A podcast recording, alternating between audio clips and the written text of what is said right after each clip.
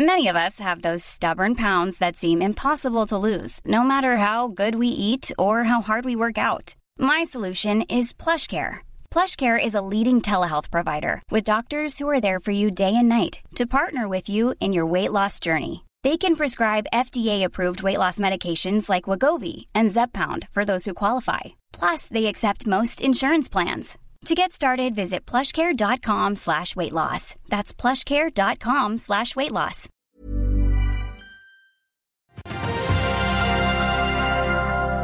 Laksegiganten Mowi har kommet med foreløpige tall for første kvartal, og vi skal snakke om kronekurs og renter med Olav Chen fra Storebrand. Det er tirsdag 18. april, og dette er Børsmorgen.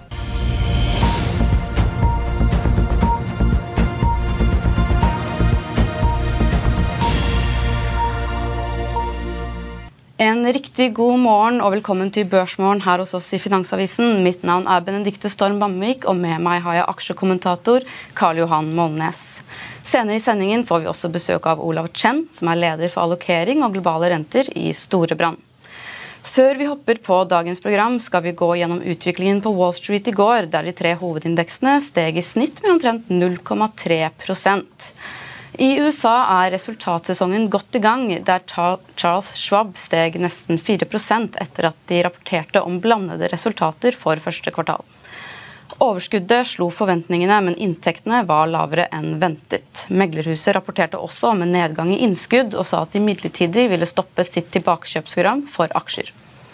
MNT Bank steg 7,78% etter at kvartalsresultatene slo både forventet omsetning og overskudd. Men State Street falt derimot over 9% etter at resultatet for første kvartal ikke levde opp til tallknusernes estimater. I Asia og Stillehavsområdet har det kommet flere makrotall i løpet av natten. I Kina var BNP-veksten på 4,5% på årsbasis i første kvartal. Det var ventet en oppgang på 4 Forbruket steg med 10,6% i mars, mot ventet 7,4% Investeringer og industriproduksjonen i mars var dog under forventningene. De positive makrotallene preger derimot ikke børsbildet, der Shanghai Composite foreløpig er uendret, mens Hang Seng i Hongkong trekkes ned 0,7% pga. teknologiaksjene. Når det gjelder Oslo Børs, så endte gårsdagen med en oppgang på 0,2% I dag venter Nordnett at Oslo Børs åpner med en svak oppgang på 0,2% mens DNB Markets venter en flat åpning. Oljeprisen styrker seg noe tirsdag morgen etter et fall på 2% mandag kveld.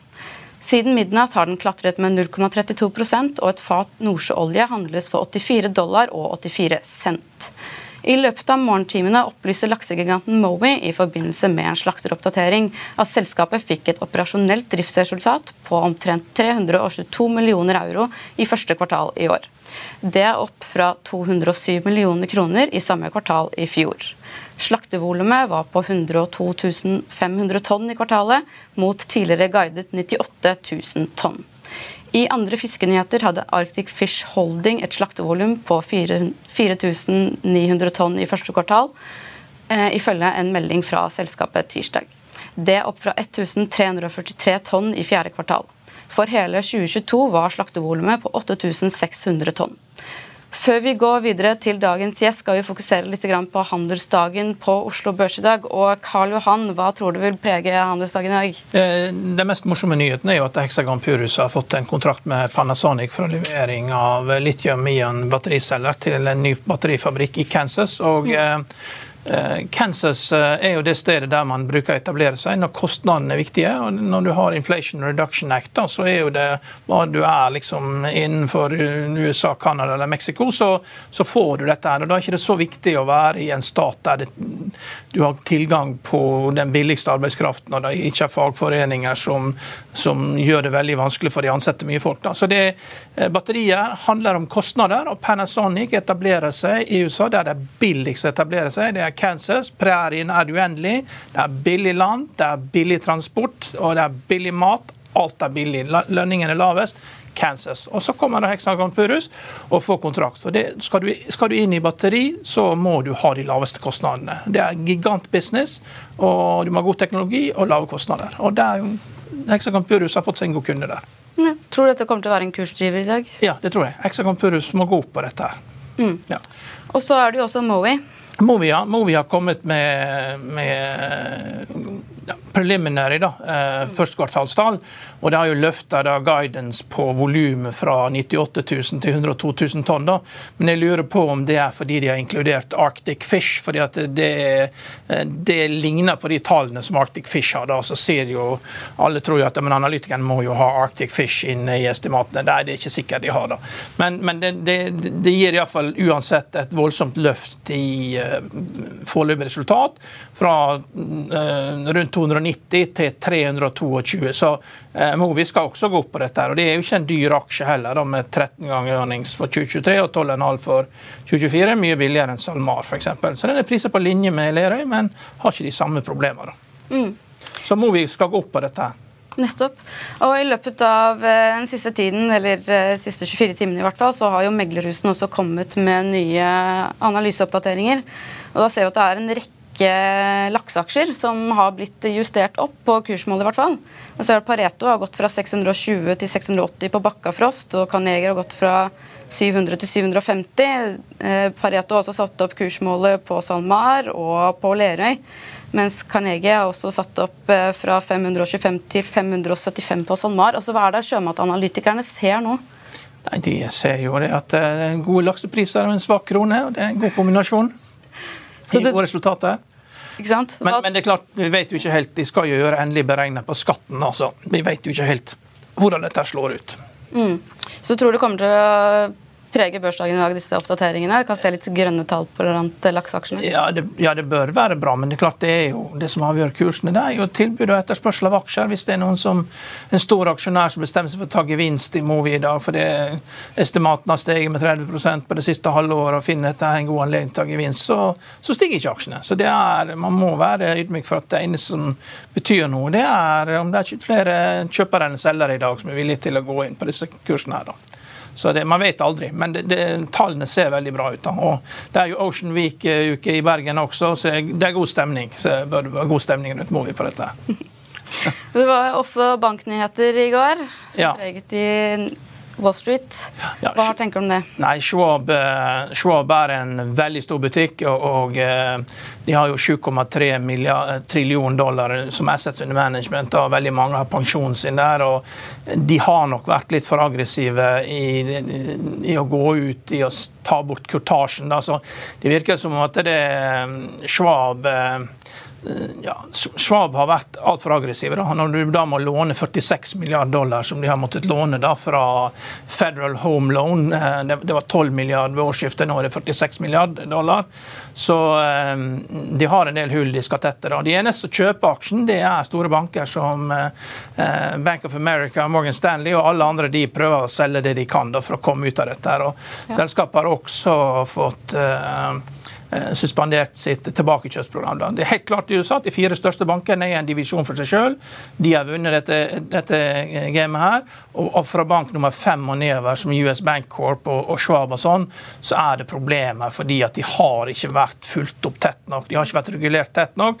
Og eh, hvis du skal konkurrere på kostnader om 7,3 trillioner dollar, eh, det er assets under management, så, så kan, du ikke, kan, du ikke, gå på en rentesmell på 3 på obligasjonsporteføljen din og, være teknisk insolvent uh, hvis du tar det til markedsverdien. Men det er klart, Schwab vil ikke få et så stort rønn på sine deposits at uh, de blir tvunget til å selge. Da. Det er jo derfor de har fått dette lånet. De har mistet 40 milliarder i deposits, og så har de lånt 46 milliarder fra staten for å unngå dette. Altså, det er store penger, og i bank så er det sånn at det er så mange ting å passe på at det er, eh, det er Du må ha så mange systemer. Du, du kan ikke tillate deg å gjøre sånne feil. Så dette her. Så jeg tror enden på visa blir at ja, du får iallfall ny ledelse, og mest sannsynlig så vil Schwab ende opp med å bli fusjonert med enten Bank of America, Morgan Stanley eller Goldman Sachs eller en av de andre. For du kan ikke ha noen som styrer noe så viktig så dårlig som de har gjort. Mm. Men Kan gårsdagens nyheter prege aksjemarkedet utover i dag? Nei, det gjør ikke det. Men, men, eh, det som kan prege det, det er US Bank Corp, for der er rapporter ute i markedet. Den, dette er jo aksjen som, eh, som Warren Buffett solgte. da. Mm. Eh, i fjor høst. og Vi skjønte ikke hvorfor han solgte. Han sitter med i 25 år. og Der er visst også store problemer. Det er sånt de skal se på i dag. Da. Og, men, men det, er, det, er, et helt klart skille mellom de største og de minste bankene. Eh, og eh, vi kommer til å få flere situasjoner som à la Schwab, hvor det, hvor det, renner ut med penger. Og Det er klart det hjelper jo ikke når, når eh, USA blir utfordra av OPEC pluss heller. Når eh, hver gang det er en mann som blir intervjua i pysjamas fra Midtøsten og sier det at nei, nå blir ikke noe mer penger til Credit Suisse, og han sier oljeprisen om han skal i 100 dollar, nei, men han skal kanskje i 95. ikke sant? Det hjelper ikke på, for det mesteparten av fallet vi har hatt i inflasjonen i siste, er for at oljeprisen har falt. og Skal den gå fra 70 til 95, så, eh, ja, så må rentene videre opp. og Da blir det enda mer skade på på, på økonomien. Så, så, eh, vær forsiktig når det dukker opp folk i pysjamas med veldig høye oljeprisforkast fra Midtøsten. De, de, de, har ikke alltid gode hensikter, og det skaper problemer for USA. Nettopp. Takk skal du ha, Karl Johan. Eh, vi setter en eh, liten strek der, og så går vi til reklame. Vil du bli oppdatert på det viktigste som har skjedd innen finans og næringsliv? Da er det bare å følge med, for hver morgen er jeg, Marius Lorentzen og aksjekommentator Karl Johan Malnes på plass i studio for å ta tempen på dagens marked i Børsmorgen. Og hver ettermiddag oppsummerer vi alt du trenger å vite i økonominyhetene, og det blir selvfølgelig masse interessante gjester. Klikk deg inn på fa.no-tv, eller søk opp Børsmorgen og Økonominyhetene der du hører på podkast. I'll see you in court. Vi sier det ofte litt på spøk men for deg som driver business, er det aldri moro å innse at du ikke har laget en 100% gyldig kontrakt. Du bør ikke risikere hele firmaet ditt fordi du synes dette med kontrakter er litt stress. En avtale er ikke en avtale. Du kan miste kunder, miste venner, ja, til og med miste inntekter om du ikke lager en skikkelig kontrakt, på alt mulig, egentlig.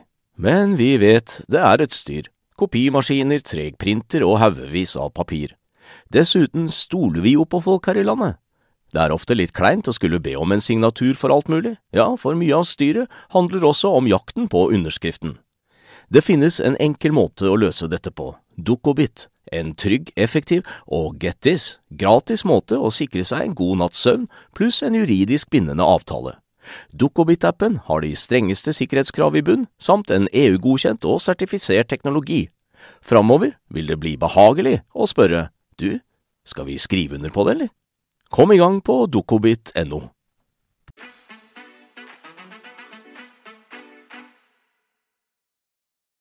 Da er handelsdagen i gang, og Oslo Børs stiger med 0,35 eh, fra start. Da går vi over til dagens gjest, Olav Chen. Velkommen til oss. Takk, takk. Hei. Jeg tenker Vi skal hoppe rett på det og snakke om eh, kronekursen. som nå er jo, Den ligger jo ikke akkurat veldig godt an her. Forrige uke så var eh, målt mot euroen så var 1 euro det samme som 11 kroner og 54 øre. Eh, hva, hva som er grunnen til at kronekursen er så lav i dag? Det er mange forklaringer til det.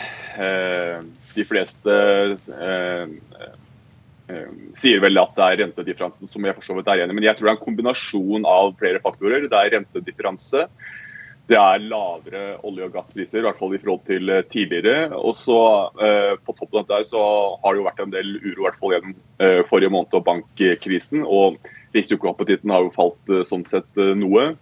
slik at den perifere valuta som kronen sliter jo i et sånt tilfelle. og Eh, dette punktet kombinert at jeg tror de fleste er, eh, sitter litt på hendene i forhold til at vi er i den sensykliske konjunkturfasen og venter på en ny konjunktur, konjunktur, så tror jeg det på en måte spiller kanskje litt ekstra i det. Så jeg tror kombinasjonen av flere forhold eh, med hovedvekt på rentedifferanse som har drevet og, og svekket den kronen som vi ser nå. Men, vi, men samtidig så er det jo det her en trend som vi egentlig har sett siden oljepriskollapsen Eh, eh, i 2014, vil jeg påstå. Det var et regimeskifte da. Eh, men det er helt klart fra et, et sånn kortsiktig ståsted så er det også svakt. Og rentedifferansen er den mest tungtveiende faktoren, mener jeg. da. Mm. Men hva er konsekvensene både kortsiktige og langsiktige av den lave kronekursen? Det positive er, som dere også har pratet litt om, at eh, ta f.eks. selskaper som har inntjening i utenlandsk valuta, så er det jo i en direkte krone, krone eller skyld, utenlandsk valutaeffekt, eller dollar eller euro. Eh, faktisk så er jo kronen svekket seg kanskje enda mer på tampen mot euro, eller at euroen har styrket uh, seg. Og det kan jo også skyldes, som hendte, at ECB er vel en bank, sentralbank som har ventet at rentene skal stige videre, og hvor det ventes fortsatt doble, potensielt doble rentehevinger. Eh, så, sånn sett er det positivt. Det er positivt for turistnæringen. Det ble nevnt Bergen her. Jeg har hørt flere ganger at det flommer over av turister i Bergen fordi ting er eh, blitt billigere, eh, og ellers i Norge. Så Sånn sett er det positivt. Det som er negativt, er selvfølgelig, som nordmenn er veldig opptatt av, er hvis du skal ut på, på ferie. Eh, men konkurranseutsatt industri, det, det syns jeg faktisk er uh, underspilt eller underplacement på engelsk. Hvor man tidligere har egentlig klagd over uh, at krona er for sterk. Reduserer eller svekker konkurranseutsatt industri. Men det her er jo en gavepakke til konkurranseutsatt industri, som på en måte også har kommet kanskje for lite frem, f.eks. under lønnsoppgjøret nå. Og, hvor i hvert fall flere økonomer har trukket frem rentene at det spiser opp eh, eh, ja, Kjøpekraften er én ting, men også lønnsomheten for bedriftene da, når det gjelder lån. Mm. Hvilke grep, grep, kunne man tatt uh, i forkant for å hindre den, det store fallet i kronekursen? Jeg vet ikke om det er noe grep som man kunne ha gjort. Det er jo vanskelig å på en måte spå, som alle vet, olje- og energiprisene eller ja. resesjon for den dags skyld også. Men rentene kunne man gjort noe med. Noen nevner selvfølgelig kronekjøpene. Men det er på en måte timingen av det, tror jeg. Eh, men om noe man kunne gjort noe med, man kan ikke gjøre noe med resesjonsfrykten, eh, man kan ikke gjøre noe med oljepris, uskyld, olje- og gassprisene som på en måte er satt internasjonalt som følge av konjunkturen også. Det eneste man kunne gjort noe med, er jo faktisk av sentralbanken har fulgt opp mye kjappere det vi ser med tanke på rentedifferanse. For Det har man egentlig bare sittet og sett på. at både ECB eh, har passert Norges Bank på rentenivå som er lenge siden, men også at Sverige er i ferd med å passere Norge når det gjelder eh, rentenivå. Norge, Norges Bank var kanskje litt tidlig ute og på en måte ikke erklære suksess, men, eh, men de i hvert fall var veldig fornøyde med at de begynte tidlig, noe som er sant med tanke på rentenormalisering. Men de fulgte jo aldri opp eh, like mye, i hvert fall når det gjelder doble og triple rentehevinger, og så sentralbankene egentlig eh, passere med tanke på rentenivå. Og Det tror jeg er kjempeviktig. At når du får 5% rente i banken i eh, USA, da f.eks. Eh, 3 eh, i Norge, bare for å ta styrings, på styringsrentenivå, så er det naturlig for aktører som eh, meg og andre å eh, selge norske kroner, ta ut penger, eh, kjøpe dollar putte, og putte penger der. Det er egentlig hva skal jeg si, valuta og eh, makroøkonomi 101 med tanke på rentedifferanse, at det vil påvirke valutamarkedene ganske tydelig. Mm. Hvilke grep fremover kan Norges Bank gjøre for å eh, hva skal vi si, heve kronekursen? Eh, nei, det er jo som å følge opp med Nå var de ganske haukete sist. Eh, ja. Det vil si at de varsler både renteheving i mai og juni, som jeg tror på en måte er ganske done deal. De kan eh, snakke mer. Eh, eh, talk is cheap, som man uh, kaller det i sentralbankverden. Riksbanken var tidlig ute der og påpekte at hvis ikke kronen styrker seg, fordi det gir direkte implikasjoner Husk at alle, alle varer tjen, eller ikke tjenester, alle varer som man ser rundt seg, er egentlig importerte. Så det er eh, bare en tidslekk på seks måneder med tanke på kronekursutvikling og den importerte inflasjonen. Og Importert inflasjon utgjør ca. en tredjedel av totalinflasjon, kanskje mer også. Så vi kan snakke delvis opp om at hvis, og på en måte varsle investorer, hvis ikke eh, kronen styrker seg, så vil eh, det komme eh, ganske klart én-til-én eh, eh, rentehevinger eh, for å på en måte stabilisere valutaen også. Jeg tror som man så under eh, pandemien, intervenering er på en måte ekstremtiltak. Vi er, vi er ikke der. Eh, men mm. eh, rentevåpenet er det man har bestemt, er det som skal på en måte stabilisere pris. Og pris har et stort element av valuta. Så Sånn sett har, så har de det i mandatet sitt om å på en måte snakke opp kronene og følge opp også med handling. Det er ventet at eh, renten skal heves både i mai og juni. Eh, er det på 25 basispunkter? Ja, det er på 25. Jeg Ja. tror det skal mye til for at de skal endre nå det de Ja, kan fremover nå. I, det blir først i juni, da, men det kan på neste rentemøte også, er selvfølgelig eh, guide, som man kaller det på sentralbankspråket også, eh, for eh, videre heving f.eks. i september. og Det ligger ikke, det, det ble ikke indikert sist, ikke sant? men de kan på en måte begynne å gjøre det. Jeg mener eh, litt sånn fra, taktikk, fra et taktisk ståsted at man kan legge litt sånn der som man har sett tidligere i forhold til krone, men da var det på kuttsiden eller motsatt. Eller unnskyld, eh, eh, når kronen var sterk. At man kunne legge en sånn si halv, eh, 50% eller unnskyld, eh, 50-50 og 50 sannsynlighet at hvis ikke Å være klar på, på retorikken. Hvis ikke valutaen styrker seg, så vil det eh, på en måte komme en renteheving. Og være Kall det binde seg litt mer mot masten eh, i forhold til eh, rentebildet og eh, eh, kronekursutviklingen. Det tror jeg på en måte har en eh, større virkning eh, enn å se det samlede som de egentlig gjør nå. da. Hvor mye tror du kronekursen kan falle ytterligere? Nei, det har jeg ikke noe. Jeg har ikke noe punktestimat. Men.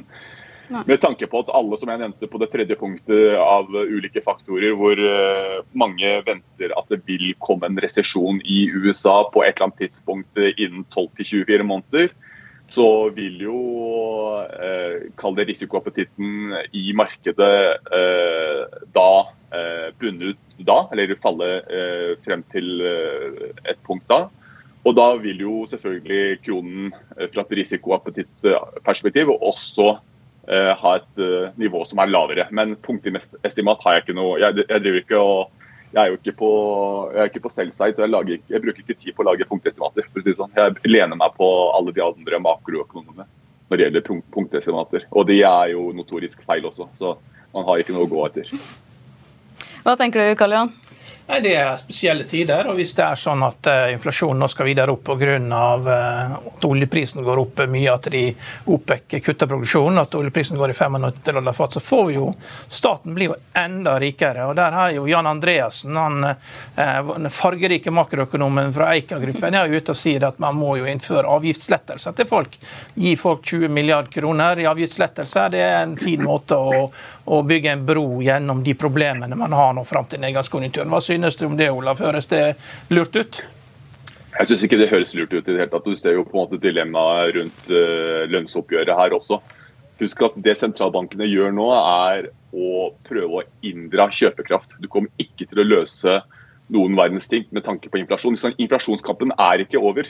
Inflasjonen har toppet ut i Norge, i utlandet, når det gjelder årsvekst, men den er ikke over. Ikke det er fortsatt 5% i USA. Folk virker som man har erklært seier over inflasjonen. Men uh, du skal ikke kaste da mer uh, bensin på uh, bålet. Så jeg tror eh, det ikke kommer til å løse Det kommer til å løse det Jan Andres hørte på en Dagsnytt 18 i går, kommer til å løse noen sånn tekniske greier i forhold til beregning av inflasjon. Men eh, eh, baksiden av medaljen er jo da at eh, hvis, det blir, hvis det fører til mer kjøpekraft, så vil jo ikke det løse noen ting. Da vil jo eh, inflasjonspresset, etterspørselspresset, holde seg eh, lengre. Og da må sentralbankene heve mer. Så du, på, på, uh, uansett hva, slags løsninger, så må på en måte eh, kjøpekraften inndras noe. Uh, ja, det har vært noen pandemieffekter når det gjelder uh, tilbudseffekter når det gjelder inflasjon, men den har vi jo sett nå har kommet ned. Det er en grunn til at inflasjonen har, i USA, for eksempel, som er beste eksempel og mest ledende, har falt fra 10% til 5% Det er fordi uh, flaskehalsene løser seg opp, og bruktbilprisene faller noe, tømmerprisene faller noe, energiprisene faller noe. Men det iboende si, makroøkonomiske utfordringen er jo at vi er ved veis ende når det gjelder konjunktur. Vi er ved veis ende når det gjelder arbeidskrafttilgang. Eh, man kan selvfølgelig få eh, de som står på sidelinjen, arbeidsledige, eh, inn i arbeid. Men nå er vi i et stadium hvor det på marginen blir vanskeligere og vanskeligere. Det er ikke alle vi klarer å få inn i arbeidsmarkedet som, av naturlige årsaker som helse osv. Eh, når arbeidsledigheten i USA er på det laveste siden 50-tallet, i Norge siden 80-tallet, i eh, eurosonen siden 70-tallet, så er det fordi man ikke har mer å gå på i forhold til kapasitet. Og da, da er sentralbankenes jobb å inndra kjøpekraft. Og når, hvis man bærer eh, kaller heller mer gass, eh, gass mer bensin på bålet, så fører det bare til at baksiden av medaljen er at rentene blir enda høyere, eller at inflasjonen spiser opp kjøpekraften.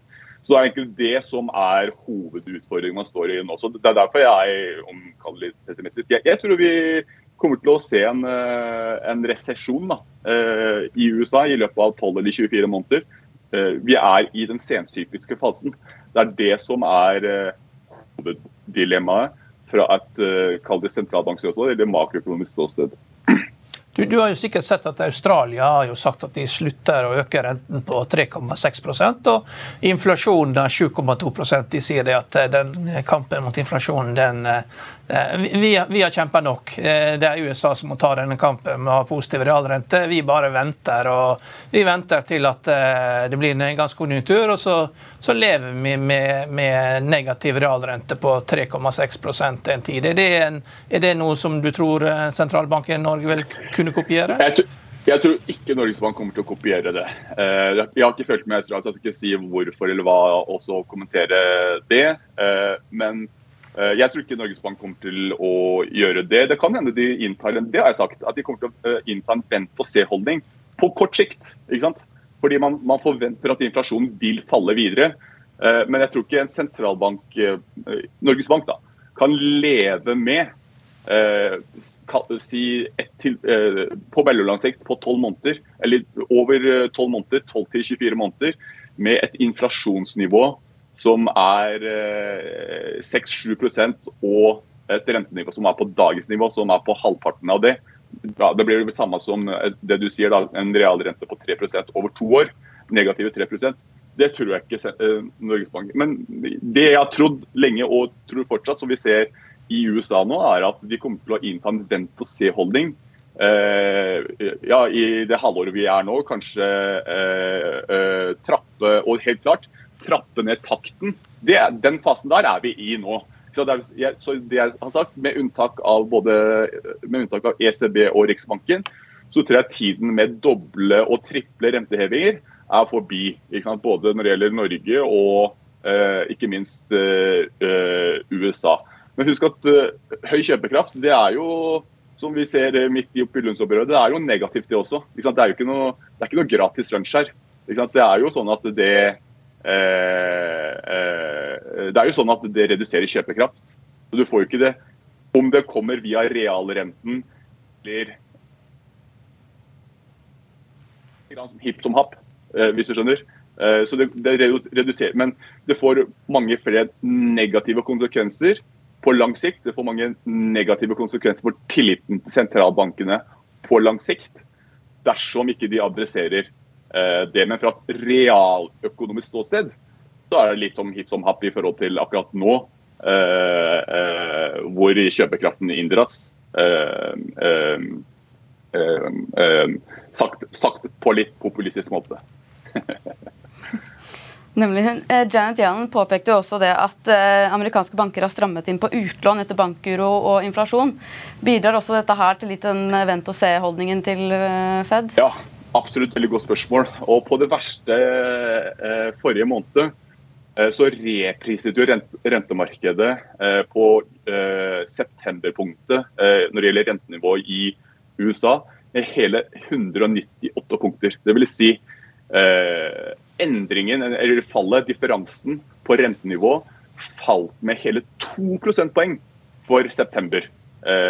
På det verste under bankkrisen. Når, selv når folk spekulerte Charles Schwab, som det også ble pratet om her, men når man eh, så Credit Suisse gikk eh, under. Men nå har det hentet seg noe inn, og det er jo fordi det har roet seg noe der. Som, som, det ble nevnt her, så er det mer enn eh, sånn at de store bankene kommer styrket ut av det, mens de svake kommer svekket ut av det. Så nett, nett er kanskje ikke så ekstremt som man så under finanskrisen. Men det er likevel en reprising. Det hentet seg noe inn igjen, men det er langt ifra de nivåene vi så i forkant også. Så kan man spørre også om at rentene forventninger i forkant også var kanskje litt i overkant med tanke på gjenåpning i Kina og uh, at resesjon Man gikk fra soft til uh, hard til no landing, ikke sant? som man sikkert dere har pratet om også i studio. Men ting skifter jo veldig fort her, som dere også ble uh, nevnt. Men nå prises det én renteheving til. men det er helt klart at fokuset fremover nå blir, som Fed kommer til å erkjenne, Eh, eh, også eh, på finansiell stabilitet. Sentralbankene har både prisstabilitet og finansiell stabilitet i fokus. Og Det er ikke noe tvil om at sentralbankene fokuset på prisstabilitet også kan påvirke finansiell stabilitet, som på en måte er, veier mot hverandre. Jo høyere rente du setter, jo flere potensielt banker vil slite med både Husk at SVB så var det ikke utlånstap. Alle sitter og venter på at det vil komme utlånstap, bl.a. som følge av høyere renter. Når det kommer, så vil fokuset på finansiell stabilitet bli enda større. Eh, eh, bankkrisen var jo bare et forvarsel med tanke på innskuddsflukt. Og et, dårlig bet fra SVB f.eks. På, på, på renterisiko. Eh, ble bare dratt med av dragsug, men også pga. bankrun. Men når det kommer utlånsopp, og det tror jeg vil komme, det må være noen som kommer til å bli dratt under eller uh, har uh, følt den renteoppgangen som, uh, som, man så gjennom fjor. Ikke bare det obligasjonstapet eller kurstapet som man fikk på statsobligasjonen i SBB, men tenk på alle de eiendomsselskapene som på en måte har giret seg opp. Det må komme noen skjeletter ut fra skapet der. Noen må melde tap på et tidspunkt, tror jeg. Og da vil utlånstoppene komme, og da vil på en måte finansiell stabilitet bli eh, eh, eh, mindre stabile, for å si det sånn. Og det er Den avveiningen der tror jeg sentralbankene driver gjør nå. Og, jeg, og det var for så vidt en ikke game changer, men det har nok ført til at sentralbanken og spesielt Fed er mye mye mer forsiktige fremover. Og kanskje har nådd toppen. Så jeg tror ikke kuttene sitter så løst. Men det er ikke sikkert de hever neste gang, selv om det er priset inn 25. Eh, eh, eh, men når det er sagt, så er det veldig USA-spesifikt. Det har ikke vært tilsvarende bankrun. Husk at det er også forskjell på reguleringer mellom banker i USA og Europa, og ikke minst Norge. Så europeiske banker er strengere regulert, og norske banker er enda strengere enn europeiske. Så det er ikke like kall det uro rundt banksektoren i Europa og Norge som gjør at du kan eh, se samme parallell. Men i eh, USA så er avveiningen mellom prisstabilitet og finansiell stabilitet i full gang, som følge av denne episoden, eller det som vi stå av bankkrise forrige, forrige måned. Og det har tatt av mange rente, potensielle rentehevinger eh, av bordet. Men jeg tror det sitter langt, langt inne med en inflasjon på 5 og begynne å varsle om rentekutt. Jeg tror uh, Det er 50-50 om det kommer en gang til, men så er rentetopp nok nådd i USA. Husk at USA har uh, steppet mye mer kjappere opp også, at de ligger på et høyere rentenivå. De ligger på 5% nå, versus 3 eh, i Norge og Sverige, og 3,5 i uh, eurosonen. Tusen takk, Olav Chen. Jeg tror vi må faktisk sette en strek der. Tusen takk for at du kom til oss. Før vi setter en strek for dagens sending, skal vi ta en kjapp titt på andre nyheter. Eh, I går kveld fant, eh, falt Google-eier Alphabet 2,7% etter at det ble kjent at Samsung vurderer å bytte ut Google med Microsoft Bing som standard søkeleverandør. Rundt 3 milliarder dollar i årlige inntekter står dermed på spill. Microsoft steg 0,93 i går kveld. Martin Mølsæter, forvalter i First-fondene, posisjonerer seg for dobling av gassprisen. Den seneste måneden har han økt eierskapet i Vår Energi med 50% og aksjefondene First Generator har nå 4,1 millioner aksjer i selskapet. Ifølge Mølsæter har Vår Energi vært et yndet short-objekt pga. vinterens gassprisfall. Han tror nå at gassprisene skal mer enn doble seg frem mot høsten. Pascal Dupy, som står bak konditorkjeden Pascal, selger 60% av livsverket for titalls millioner kroner. Han åpnet sitt første konditori i Oslo sentrum i 1995. Inn som investor går nå Jostein Bjørge. Han har med seg Henning Olsen-familien og gründerne Adele de Luca og Sprell. Mer om dette kan du lese på fa.no. Og det var børsmålen for denne tirsdagen. Husk å få med deg økonominyhetene senere i dag 14.30. I mellomtiden så får du som alltid siste nytt på fa.no gjennom hele dagen. Vi ønsker deg en riktig god dag videre. Takk for nå.